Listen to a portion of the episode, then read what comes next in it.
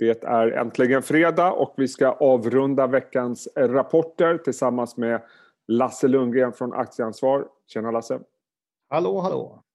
Ska vi ge oss direkt in på, på rapporterna som du tycker sticker ut lite grann? Då? Vi börjar med Essity. Eh, ingen stark rapport. Organisk tillväxt var ner 10% vilket var sämre än väntat. Eh, dina tankar? Ja, det var väl en svag rapport eh, rakt igenom då. Det är ju Professional Hygiene som egentligen har, har gått ner. Av, jag tror att avvikelsen var väl närmare 270 miljoner på ebit-resultatet och, och ungefär 250 var väl inom Professional Hygiene. Så utöver det så var det väl ganska marginellt. Då. Men eh, man, man, hade kanske velat hoppas att det skulle komma tillbaks lite grann här. Va? De, de hade ju ett väldigt konstigt år förra året. Först så bunkrar vi toalettpapper samtidigt som vi slutar gå på hotell. Så att eh, de blev slagna lite från olika håll. Mm. Men, men, samtidigt som man läser rapporten, det är ju inte helt nattsvart. De ser en, en, en, förbättring i Kina. Det ser ut som utsikterna för personal hygiene ändå är lite optimistiskt. Eh, alltså, jag, jag, tänker på Dunis reaktion igår till exempel, som är också en sån här tydlig coronaförlorare på att hotell och sånt är stängt. Den var liksom ner i öppningen på en dålig rapport men stängde upp 4-5 procent. Det känns ändå som att man kanske vågar gå in i de här nu när det ändå finns ett ljus i tunneln vad gäller corona. Hur, hur resonerar du? Essity-aktien har inte gått speciellt bra. Nej, den har i princip stått helt still skulle jag vilja mm. påstå nästan om vi backar bandet ett år. Eh, jag, jag håller med dig lite grann där. Jag tror att man kan se ljuset i tunneln och eh, de kommenterar, Magnus har ju sagt att i de eh, regioner och länder där man har mm. öppnat upp lite grann så har ju professional hygiene tagit fart. Samtidigt så kommenterar man, man hade ett call här klockan nio redan, att man var den här gången så är man mycket snabbare med prishöjningar än när man har varit vid tidigare massaprisuppgångar. Vi hade ju några 16 och vi hade några 2018. Och nu har ju massan dragit iväg ordentligt här och nu har man ju redan gått ut och aviserat prishöjningar och eh, han sa att det första genomslaget kommer vi se redan under slutet på Q2 faktiskt. Annars är det Q3 och Q4 det slår igenom. Ja, vi får se hur den där aktien slutar idag. Eh, jag tyckte som sagt det var en intressant rörelse i Duni. Om vi går över till Telia då. Det är väl egentligen inte så jättemycket att säga. Det är väldigt mycket inline, kanske möjligtvis något lättare framförallt i Sverige. Ja, nej, det är precis som du säger. Det var nästan ingenting. Det här är ju som att titta på målarfärg som torkar. Mm. Men eh, det är väl egentligen en sån aktie det ska vara också. Den här ja. köper man ju inte för tillväxt överhuvudtaget man hade ju sin stora strategiuppdatering den 29 januari. Då, då la man ut de mål man skulle göra och så vidare. Och då är det ju alltid så här low single, low single digit growth. Ja. Inom lite allt möjligt. Och det är ju i princip det vi kommer att få i år då. Mm. Om man ska säga någonting så var det som du sa, Sverige var lite svagt. Mycket roamingintäkter då som har gått ner eftersom vi inte rör oss så mycket nu. De får inte någonting från andra operatörer då. Eh, men det ser ut att komma tillbaks. TV och media har ju kommit tillbaka väldigt starkt. Men, men de eh, upprepar utsikterna. Eh, det som du säger, det är oerhört stabilt, lite tråkigt, vilket jag kan tycka är lite skönt ibland. Vad är det som ska få den här aktien att röra sig uppåt? För det, det, det är ändå ganska många som brukar köra lite case i Telia och tycker om den det, det, finns väl, alltså dels har man det här golvet med två kronor i utdelning och två kronor på en aktie som står i 35. Det är lite drygt fem, nästan 6 procent mm. som man satt som golv. Så att det, den är ju som en obligationsliknande eh, investering kan man säga. Men för att den här ska ta fart på riktigt, då är det top line growth som gäller.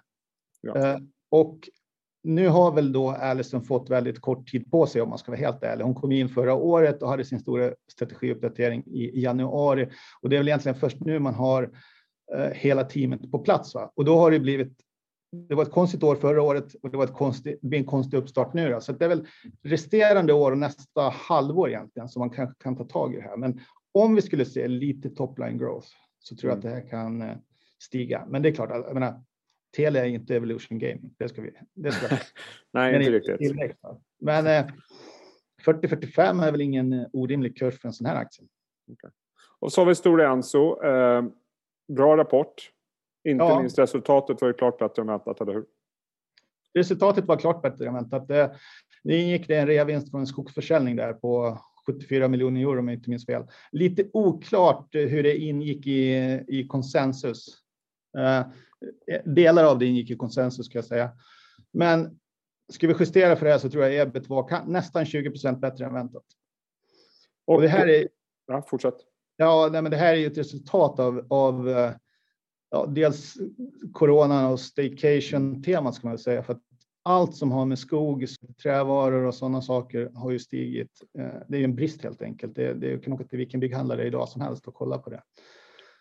Och massapriset har ju följt med. Ja, den, den har rört sig uppåt. Du, en helt annan sak. Eh, jag vet att du skrev lite grann innan jag pratade med dig om den här nedläggningen i eh, eh, Kvarnsveden som du har lite personliga reflektioner kring. Vad är det? I Kvarnsveden, ja. Absolut. Ja. Det var ju sorgens dag i tisdags då när de la ner bruket där, Kvarnsvedens pappersbruk som har funnits i 122 år faktiskt. Mm. Så man har tillverkat en hel del papper där och eh, eftersom jag är uppvuxen i Kvarnsveden så var det det givna stället man hade sitt sommarjobb på under studierna och i, i väntan på militärtjänst och sådana saker. Så att där har man gått och dragit på golvet i, i några år. Mm, ja, väldigt trist. Eh, du, vi avslutar rapporterna med Dometic eh, och det här är väl kanske framförallt spännande att ta pulsen på den här staycation-temat. Eh, de kommer in med en väldigt stark rapport. Bättre marginaler, fortsatt väldigt stark efterfrågan, även om kanske jämförelsetalen var lätta just på, på det. Men, men, vad säger du om rapporten? Den ser ju väldigt solid ut.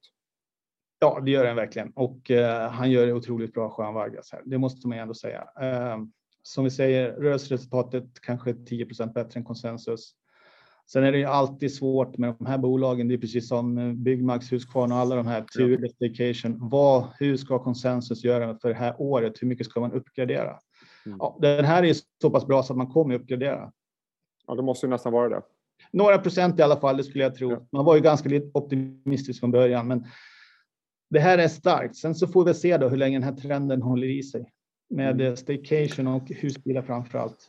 Eh, men det var en väldigt bra marginal också. Det, det tyd, ja. Han pekar ju på i rapporten att det var service och, och eftermarknad. Så att, eh, och, och, och, där är en annan intressant del och det är det här med halvledarbristerna som det har pratats om väldigt mycket inför Q1 och eh, för mig känns det som att det nästintill är en icke-nyhet vilket även Dometic tar upp att de har hanterat det väldigt väl. Vi såg det liksom i SKF och, och Volvo tidigare att det knappt nämns. Ja, alltså jag tror att vi alla fick hjärtat i halsgropen när Volvo kom för några veckor sedan och sa att man skulle ta stopptid. Och då trodde nog alla att det skulle bli väldigt, väldigt allvarligt och mm. det är väl allvarligt för delar av fordonsindustrin. Va? Vi har ju sett biltillverkare i USA som har tagit stoppdagar också. Men hittills så har vi ändå hört. Det har mest varit snack och lite verkstad om vi säger så. Då. Ja. Det var, såg vi även i Volvos rapport att de har inte drabbats än i alla fall. Och eh, Dometic påpekar, som du säger, komponentbrist, frakt som har gått upp. Det de tar upp som en positiv grej så är det tullar. Då. De har ju flyttat en del tillverkning från Kina till Mexiko, vilket drar ner kostnaderna för just den saken. Mm, ja, vi går vidare och snackar, avslutar med ett par andra ämnen. Det första är som vanligt dina börstankar och du har ett antal grafer med dig som visar på att eh, allt är inte fantastiskt. Det har vänt ner på vissa mer spekulativa håll, eller hur? Ja, eh, jag tycker man kanske börjar se, och jag har ju varit inne på det tidigare, att jag tror att det här är den stora vändningen i ränta och inflation och sådana saker. Så att, eh, då borde vissa saker komma ner. Och, den klassiska, jag ska säga när en bubbla spricker, nu är inte hela börsen en bubbla, men sektorer är en bubbla. Då börjar man ju se de här sprickorna. De sker ofta i de mest obskyra marknader och det tycker jag vi börjar se nu. Vi har sett eh, bitcoin gått under 50 000. Vi ser ett SPAX-index till exempel som har tappat ungefär 22 procent sedan toppen. Mm. Uh, jag hade med en ETF eh, e som investerar bara i IPOs där också ner 17-18 procent sedan toppen. Så att jag tycker att det är ju de här obskyra marknaderna man ser problemen först. Och det som är lite speciellt den här gången, det har vi sett med eh, det här Family Office som eh, var lite överbelånat, Archie Ghost då. Och vi, även i Greensill. Det är lite anmärkningsvärt att sådana här lidare får problem när vi befinner oss på all time high.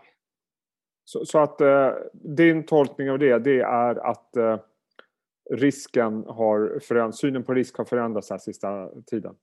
Ja, det tror jag absolut. Jag menar, folk är leverade långt, långt över vad som är vanligt.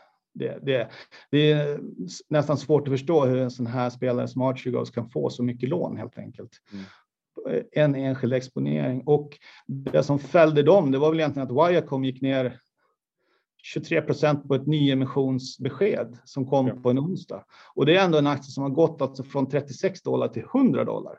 Mm. Därifrån gick den ner 23 procent. Så den var fortfarande upp kanske 100 procent på året. Och det räckte alltså för att knäcka de här. Då är man ganska högt belånad. Ja, eh, intressant. Vi får se hur det eh, utvecklas framöver. Eh, du, avslutningsvis. Du är ju Sverigeförvaltare. Ja. Och om jag har förstått det rätt så har du en del kritik eh, mot eh, skråt, kan man säga så? Nej, jag ska inte... Du har i alla fall en tabell. Du, du får berätta vad, vad det är du vill ha sagt. Eh, vad, vad är det du ser som man ska eh, uppmärksamma? Jag tycker att man ska vara uppmärksam på den risken man har i en fond. För att eh, det är många som kategoriserar de här fonderna och med tanke på hur, hur börsen har gått de sista tio åren ska man säga så har ju småbolag och allting med, med, som har lite högre risk kanske än de större bolagen har gått otroligt bra. Och då tycker jag vi har sett en förskjutning i, i kanske den vanliga Sverigefonden. Från lite större bolag till lite mindre bolag. Och det är det jag försöker illustrera i den där tabellen, att, att jag har tagit några exempel på de som klassas som vanliga Sverigefonder och inte småbolagsfonder då. Som har en väldigt, väldigt hög andel eh, mindre och medelstora bolag. Nu finns det ju inget facit här vad man måste ha. Men jag la med där hur Stockholmsbörsen ser ut och den är ju ändå Ja, om du investerar precis som Stockholmsbörsen, då kommer du ha en, nästan 70 procent bland de större bolagen så att säga. Men, men är inte det bra då? Att eh, de eh, kanske mera, de Sverigefonder som traditionellt varit fokuserade på lite större bolag, att de faktiskt följer med upp när småbolag har gått så starkt och haft större exponering mot svenska småbolag? Eh, absolut. Det är alltid bra att följa med när det går upp. Eh, problemet här är ju risken när det går ner sen då, att, ja. eh, att man inte kommer ur de här. Och, som sparare så kanske man har köpt någonting som är någonting annat än vad man tror från början. Okay. Helt enkelt. Så det handlar mer om behovet av eh, ökad transparens? Ja, det tycker jag nästan. Och eh, jag förstår absolut att det är svårt att kategorisera därför att det blir ju en stor kategori och det finns ju ännu värre eh, exempel om man skulle ta Europa till exempel, då kan man ha många olika strategier där. Men det är ändå, jag skulle gissa att det är en riskförskjutning mot lite högre risk under de här åren som småbolag har gått så otroligt bra. Samtidigt har det också växt upp andra marknadsplatser ska vara klart för oss. För, för 20 år sedan då var det ju Stockholmsbörsen som gällde. Mm. Nu har du ju NGM, du har First North och lite andra listor som, som poppar upp. Ja. Eh, ja, väldigt intressant. Det är bra att följa och bra att ha koll på. Avslutningsvis, eh, Lasse, om vi ska summera den här rapportveckan, den här första riktigt stora, det kommer en till, får man ändå säga ge den klart godkänt, eller hur? Ja, det är oerhört starka rapporter. Sen att kanske Sandvik och, och SKF går ner, att rapportreaktionen på aktien på börsen är ner, eh, betyder inte att rapporten var dålig. För de, det var ju faktiskt två bra rapporter, det måste man säga. Ja, det har ju gått upp ganska mycket inför också, Absolut. får man ju tillägga. Eh, bra Lasse, eh, vi sätter stopp där. Eh, jag önskar dig en riktigt eh, trevlig helg. Detsamma, tackar.